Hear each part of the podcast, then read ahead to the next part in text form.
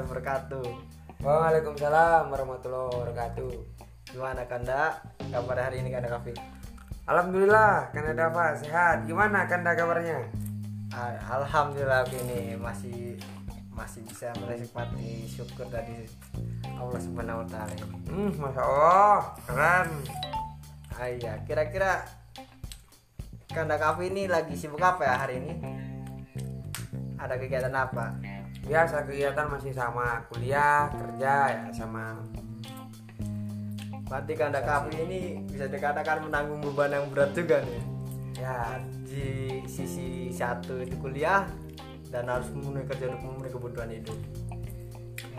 Oh, iya. Kalau kabar kuliah ini gimana Kanda Kafi? Apa aja? untuk Lagi- kuliah aman ya karena masih baru baru masuk kan. Cuman terkait seperti tanggung jawab, nah ini mungkin poin bagus nih buat teman-teman. Kemarin aku eh, mendengarkan dari teman saya ketika saya menjalani aktivitas double ya, kuliah, kemudian bekerja, kemudian berorganisasi.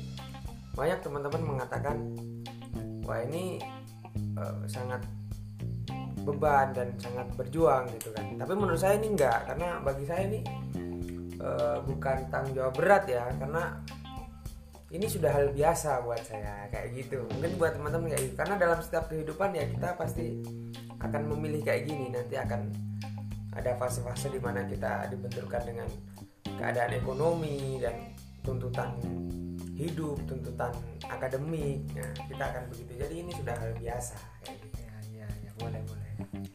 Hmm, ketika mahasiswa itu harus memiliki intelektual yang tinggi dan juga berani untuk ke masyarakat. Tadi Kanda Kafi sendiri mengatakan Kanda ini ikuti organisasi. Ya, Kalau betul. mau tahu organisasi apa ini? organisasi HMI. Oh, himpunan mahasiswa Islam. Ya, benar benar sekali. Hmm.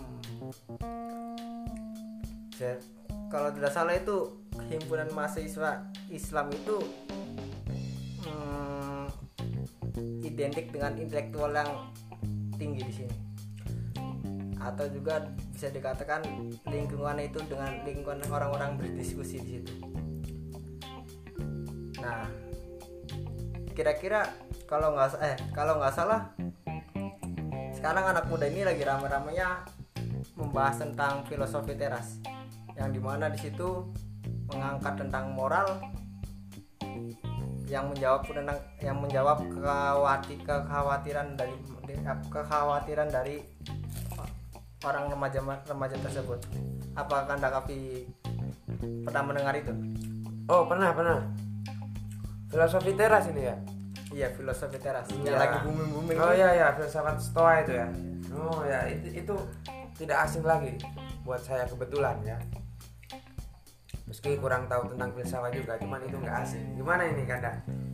boleh kanda jelasin sedikit dengan filosofi teras ini Oh ya ya, berarti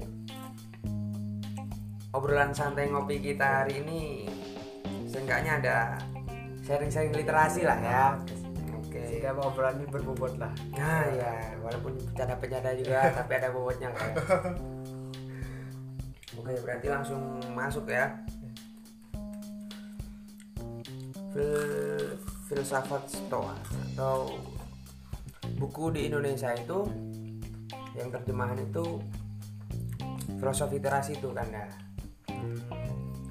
Itu memang eh, berangkat dari Yunani sejarahnya. I- Itu cuman sedikit yang saya tahu ya. Mungkin nanti teman-teman yang mendengarkan di sini ada yang lebih tahu atau kesalahan yang saya sampaikan dalam ngopi santai hari ini bisa nanti teman-teman koreksi. Singkat cerita ya memang itu dari Yunani yang saya tahu. Se- eh, abad ketiga sebelum masehi sampai abad 3 masehi. Sebenarnya banyak yang dibahas di filosofi teras ini. Cuman yang lebih ditekankan yaitu tentang etika. Mungkin dalam ajaran Islam kalau saya eh, saya pandang menggunakan paradigma Islam itu ya seperti berpasrah gitu. Itu yang saya tangkap poinnya ya. Jadi kenapa sih disebut stoa atau dalam terjemahan Indonesia-nya filosofi teras?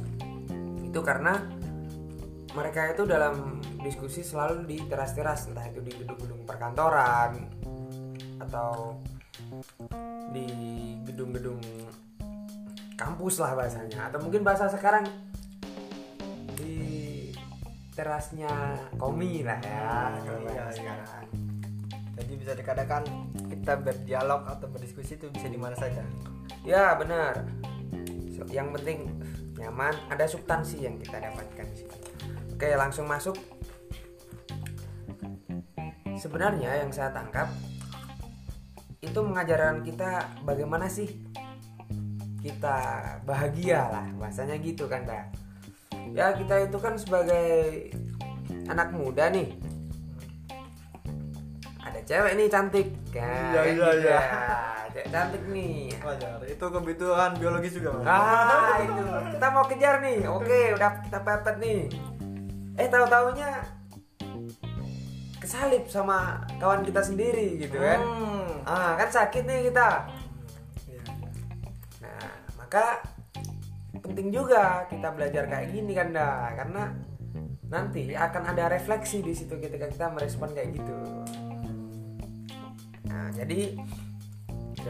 Bentar, bentar kan ya. Oh, Berarti ya, gimana? ketika kita membaca buku ini bisa dikatakan keti- ketika melakukan eh menanggapi sesuatu itu bisa de- menanggapi dengan bijak juga. oh iya tentu tentu, saya menangkapnya seperti itu karena kita setelah membaca buku ini akan punya banyak pertimbangan gitu. Tapi dalam arti pertimbangan itu bukan karena kita nggak punya prinsip ya. Pertim- banyak pertimbangan itu dalam arti karena kita berpikir ke depan resiko apa yang kita dapat nanti ketika mengambil pilihan ini begitu. Jadi masuk langsung masuk nih.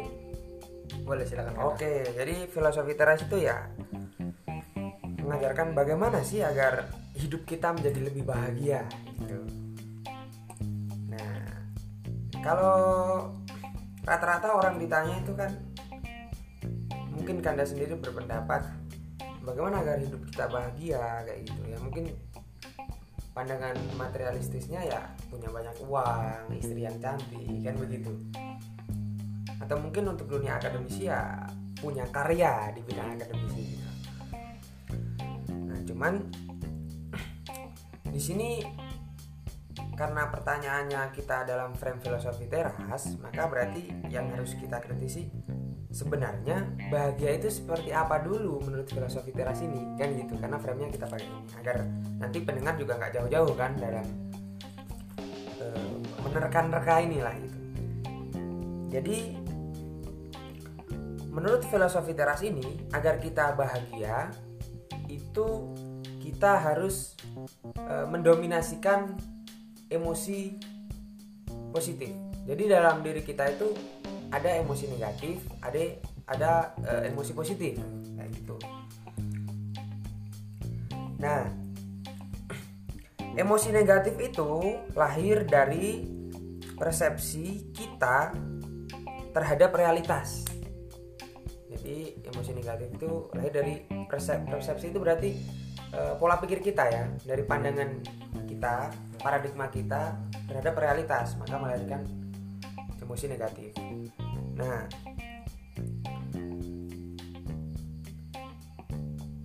eh, jadi di sini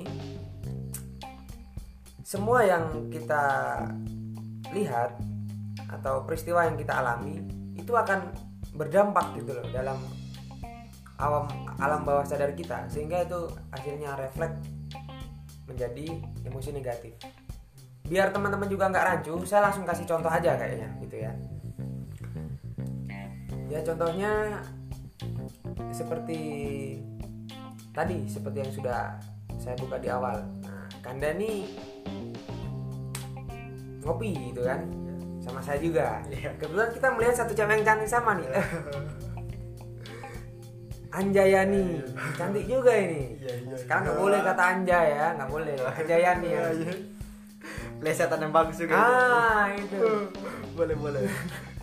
terus jadi Kanda Dava ini udah deketin nih. Udah deketin udah dipepet kan? Nah, tapi tiba-tiba dalam satu waktu aku ketemu sama dia gitu. Aku ajak lah dia ngobrol kenalan wa nah kebetulan dia jalan nih sama aku kan gitu karena karena Dava ini tahu maka di situ kan dalam hati itu kan ada rasa sakit maksudnya kecewa gitulah ya. Mungkin sebagai manusia pengen wah kurang ajar juga ini masa pak pacarku ini ya gitu. Atau ini incaranku ini kan kayak gitu.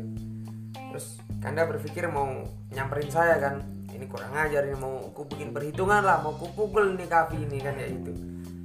Nah itu kan berarti emosi negatif yang mendominasi di tubuh kita kayak gitu. Ketika kita sudah membaca filosofi teras ini sehingga yang diajarkan bagaimana mendominasikan emosi yang positif. Ya contohnya begini. Oh iya kita jadi berpikir ulang nih kan.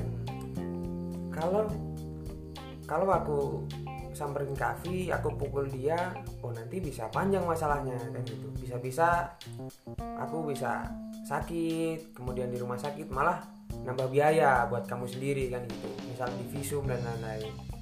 Padahal cewek kan masih banyak kayak gitu. Nggak cuma dia gitu. Ya udahlah. Coba biarin aja lah. Cari cewek lain gitu. Nggak cuma cewek nggak cuma satu kok kayak gitu. Berarti itu konsep kebahagiaannya mungkin bukan langsung di situ tapi dampaknya kita merasakan. Coba ketika emosi negatif yang menguasai diri kita. Kanda Dava langsung nyamperin saya langsung pukul saya misal. Itu kan emosi negatif tersalurkan nih. Cuman kan dampaknya jadi makin merugikan Kanda sendiri. Jadi itu kan malah jadi nggak bahagia gitu. Padahal kita mau mengenal cewek kan biar bahagia nih tujuannya. Oh malah nggak bahagia karena masalah kayak gini. Nah dengan filosofi teras tadi kan mikir dua kali ber berkali-kali karena dampaknya pasti panjang. Ya udahlah biarin. Tapi ya biarin itu bukan berarti terus kita semata-mata menyerah dan lain enggak ya tapi kita realistis. Karena kita punya banyak pertimbangan sehingga menyikapi sesuatu itu dengan bijaksana kayak gitu loh. Nah, itu kan. Berarti udah udah paham lah ya di sini ya maksudnya. Contoh-contoh lain begini yang lebih sederhana. Ketika kita jalan-jalan uh, sama cewek kita lah kita berhenti di pasar. Pasar itu kan ramai ya. Karena banyak orang lalu lalang sehingga kita pelan jalannya kan naik motor sama cewek kita. Nah di situ kebetulan ada orang pakai motor king misalnya mereka gebar-gebar di situ. Iya suara yang menggelegar itu. Ah. Suaranya itu kan bikin sakit di telinga itu kan. Nah, akhirnya karena kita udah macet gitu kan mungkin kita mau nonton bioskop tiket keburu telat kayak gitu kan. Kan suasana hati kita kurang ajar juga nih orang kayak gitu. Kan pengen mukul kan kurang ajar nih orang yang pakai motor ini. Udah macet kayak gini ramai suasana kok geber-geber juga itu ketika emosi negatif menguasai kita kita beneran mukul di situ nah nanti dampaknya kan panjang. Bisa ribut di situ kita berkelahi dan lain-lain gitu kan. Cuman ketika kita pakai teorinya filosofi teras ini ya kita berpikir dua kali lagi. Misal begini ya sudahlah nggak masalah gitu. toh ini juga macetnya nggak nggak nyampe setahun kan ya itu paling cuman berapa jam kayak gitu. Bahkan nggak sampai sejam ya udah tunggu aja. Anggap aja ini suara motor itu hiburan lah. Masa cuman kayak gini aku mau mukul orang kayak gitu? Dari situ kan bikin dua kali. Akhirnya menjadi lebih bijak untuk diri kita sendiri. Jadi ya kebahagiaan yang kita dapat itu ya kita jadi berusaha tenang di situ menenangkan diri sendiri. Itu yang saya tangkap. Kemudian eh, terkait emosi negatif dan e, emosi positif itu poin yang kedua kita bukan fokus pada hasil atau prestasi dan lain-lain. Tapi ya seperti pada umumnya kita fokus pada e, penenangin diri dan berjuang kayak gitu. Jadi singkatnya begini, e, ada yang namanya toxic positivity. toxic positivity itu sesuatu hal baik sebenarnya baik tapi ketika kita lakukan justru itu membuat dampak buruk bagi diri kita contoh eh, makanan 4 sehat 5 sempurna itu baik nggak baik, baik ya? Ya, karena baik ngajarin dari kecil emang seperti itu Nah, iya iya. Singkat cerita memang itu ada panduan dari dokter ya, baik lah ya. Cuman dalam kondisi kita yang di kos-kosan, kita mau memaksakan itu sehingga orientasi kita ah, aku harus makan lauk pauk gitu, ada sayur, ada susu gitu. Kok malah nggak kondisi dengan keuangan kita sehingga kita malah memberatkan kita dalam proses memenuhi empat sehat makanan 4 sehat 5 sempurna itu justru itu malah berdampak buruk pada diri kita gitu. Nah, mungkin contoh lagi yang sederhana begini. Kita eh, berdiskusi, berorganisasi itu baik nggak? Baik lah ya, tentu baik. Cuman ketika kita ada prioritas lain, contoh memang kita keuangan nggak ada nih, kita ada tuntutan kerja. Cuman kita memaksakan ini, aku tetap harus berorganisasi nih. Padahal ada prioritas lain karena agar kita bisa melanjutkan kuliah kita harus kerja kan gitu. Jadi dengan tambahnya aktivitas itu, ya itu malah memberi dampak buruk bagi kita. Tapi baik itu sebenarnya. Nah, itu itu singkat cerita seperti itu. Nah maka di sini eh, berfokus pada proses bukan hasil dan prestasi. Bukan ke yang oh ya nanti aku dapatnya ini berorganisasi aku bisa ini punya relasi bisa retorika dan lain-lain kan fokus ke situ ya tapi bukan itu maksudnya di sini itu akan menjadi emosi negatif nanti tapi kita dominasikan emosi positif. Contohnya ya oke lah mungkin saya nggak bisa ikut berorganisasi nih. Saya karena saya harus kerja. Tapi saya gimana caranya? Saya akalin pakai baca buku nih. Nggak usah banyak-banyak. Mungkin lima lembar. Cuman kita totalitas di situ gitu. nanti pas ada waktu ya kita obrolan kepada teman-teman yang berorganisasi kayak gitu sharing lagi. Sharing ke teman-teman yang berorganisasi. Di situ kan artinya ada proses yang kita kita nggak fokus ke hasilnya dulu. Kita jadi nggak memaksakan kayak gitu. Jadi poin yang mau saya sampaikan terkait eh, bukan fokus pada hasil itu lakukan sesuatu yang biasa cuman dengan cara kita yang tidak biasa kayak gitu. Maksudnya tidak biasa itu ya totalitas konsisten kayak gitu. Mesti sulit nggak nggak seringan bibir berbicara lah ya kan ya. Jadi ada rasa unik di sini. Kita berproses nih. Ya jelas itu. Eh, itu yang saya tangkap dari filosofi teras itu. Mungkin dari kanda sendiri menangkap nggak poin-poinnya itu aku tadi mendengar ya aku nangkap memang ketika kanda kafu itu menyampaikan dan berdasarkan zaman yang sekarang lebih didominasi oleh kaum remaja di situ memang itu sesuai dengan realita. Karena para remaja di sini kadang sama saya remaja di sini sama saja manusia yang di mana di situ didominasi oleh hawa nafsu. Sedangkan anda tadi menyampaikan bahwa ada namanya ah, apa tadi ada nilai positif dan negatif Oh ya, ini emosi negatif Emosi. ya. emosi positif dan negatif. Ketika remaja itu mampu mengelola emosinya sendiri bak untuk melakukan tindakan bahkan mempertimbangkan konsekuensinya ketika dia melakukan tindakan itu bukankah itu jadi hal bijak di situ. Maka dari itu memang sesuai realita apa yang disampaikan dalam buku ini. Jadi wajar saja ya. Apa namanya? Buku ini memang lagi bergema-gemanya di masa di kalangan remaja ini. Iya benar. Karena dalam buku itu juga kan menghargai tentang proses. Iya. Karena orang-orang kadang-kadang memandang itu hanya bentuk eksistensi saja. Bisa dikatakan hanya lihat hanya melihat cangkangnya saja atau bungkusnya saja tapi tidak melihat isinya itu nah di situ juga buku itu kan bisa jadi pedoman bagi remaja juga ya. Jadi apa namanya hasrat untuk Iya. membaca dirinya untuk berproses yang pada akhirnya membentuk karakter dirinya sendiri. Cuma aku nangkap di sini proses itu tidak simpel kalau nggak salah kanda. Iya. itu gimana penjelasannya? Ya untuk proses itu memang tidak simpel.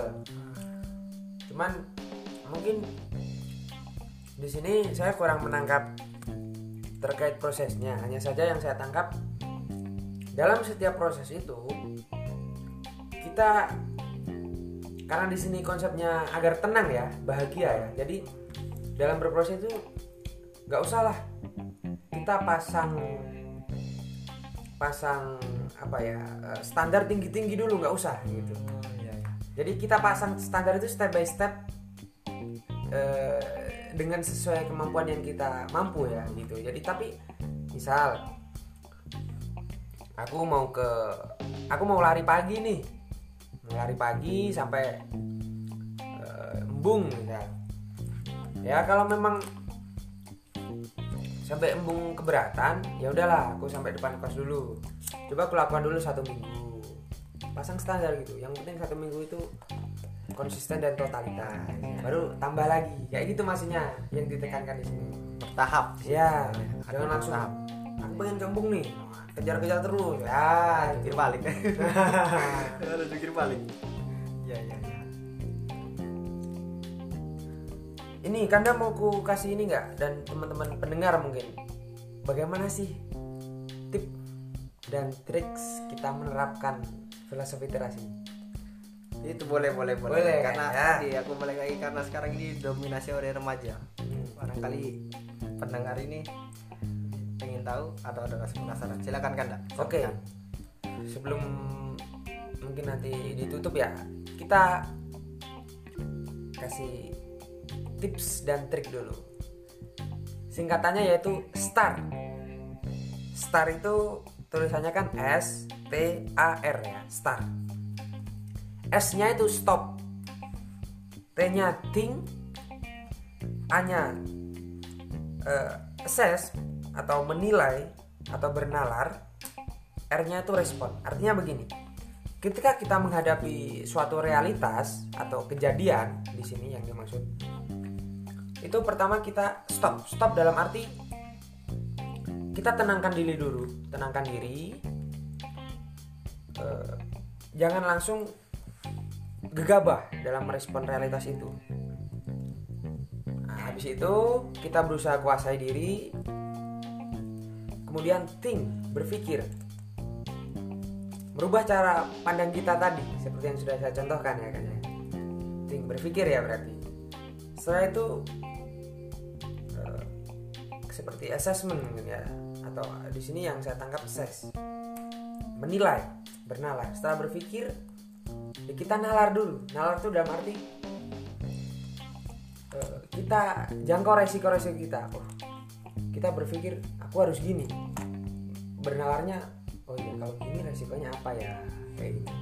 Habis itu R nya respon. Baru kita respon itu aktualisasi dari pikiran kita. Star itu stop think assess respon. Iya iya boleh boleh. Keren juga ya. Ini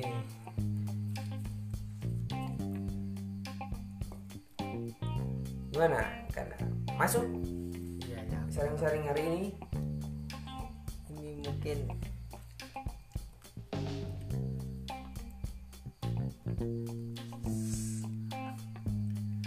tapi memang sekarang itu bagaimana caranya ketika kita ngopi-ngopi itu sampaikan dengan hal yang sederhana? Ya mungkin untuk pembahasan kali ini yang yang filosofi teras ya. Itu cukup bermakna juga untuk kehidupan atau menghadapi realita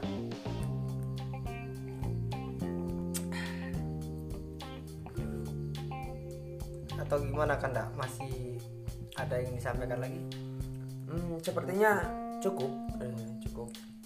Ya mungkin ya untuk kali ini kawan-kawan kita sudahi dulu sampai sini ya ngopi-ngopinya ya. Ngopi-ngopinya mungkin lain waktu kita mengangkat tema yang lebih asik lagi ya atau yang menggelegar lagi mungkin kawan-kawan bisa dengar di situ. Ya sekian dan terima kasih. Assalamualaikum warahmatullahi wabarakatuh. Waalaikumsalam warahmatullahi wabarakatuh. Jangan lupa sedup kopinya ya Kanda. kopi komi. Nah,